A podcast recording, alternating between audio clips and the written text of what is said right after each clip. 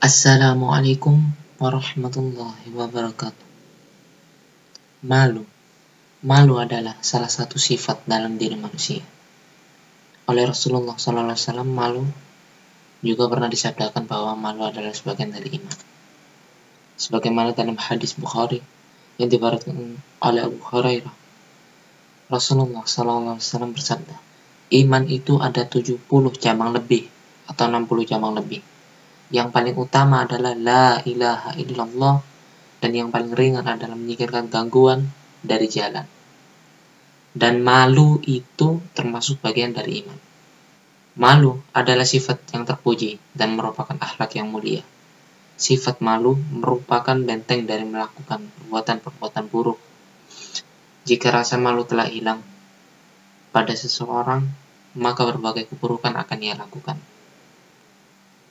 begini, walaupun sifat malu itu terpuji, namun malu itu bisa jadi tercela apabila tidak digunakan pada tempatnya. Sebagaimana para salaf mengatakan, orang yang pemalu tidak akan meraih ilmu, demikian juga orang yang sombong. Orang yang malu dalam bertanya mengenai hal agama atau hal yang tidak tahu, dia tidak akan meraih ilmu yang belum dia tahu. Jadi, jangan pernah malu untuk menanyakan hal yang berkaitan dengan agama. Sebagaimana kisah Ummu Sulaim radhiyallahu anha, beliau bertanya kepada Nabi Shallallahu alaihi wasallam, "Ya Rasulullah, sesungguhnya Allah itu tidak merasa malu dari kebenaran. Apakah wajib mandi bagi wanita jika ia mimpi basah?" Rasulullah Shallallahu alaihi wasallam bersabda, "Ya, jika ia melihat mani." Disebutkan dalam hadis riwayat Bukhari dan Muslim.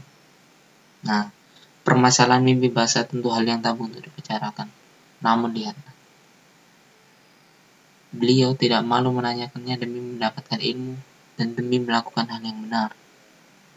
Sayangnya, sebagian dari kaum muslimin menempatkan malu pada tempat yang salah. Sebagai contoh, mereka malu berbuat ketaatan, sedangkan mereka tidak sadar bahwa mereka berbuat kemaksiatan itu mereka tidak malu. Jika orang lain tidak malu dalam berbuat kemaksiatan, kenapa kita harus malu dalam berbuat ketaatan?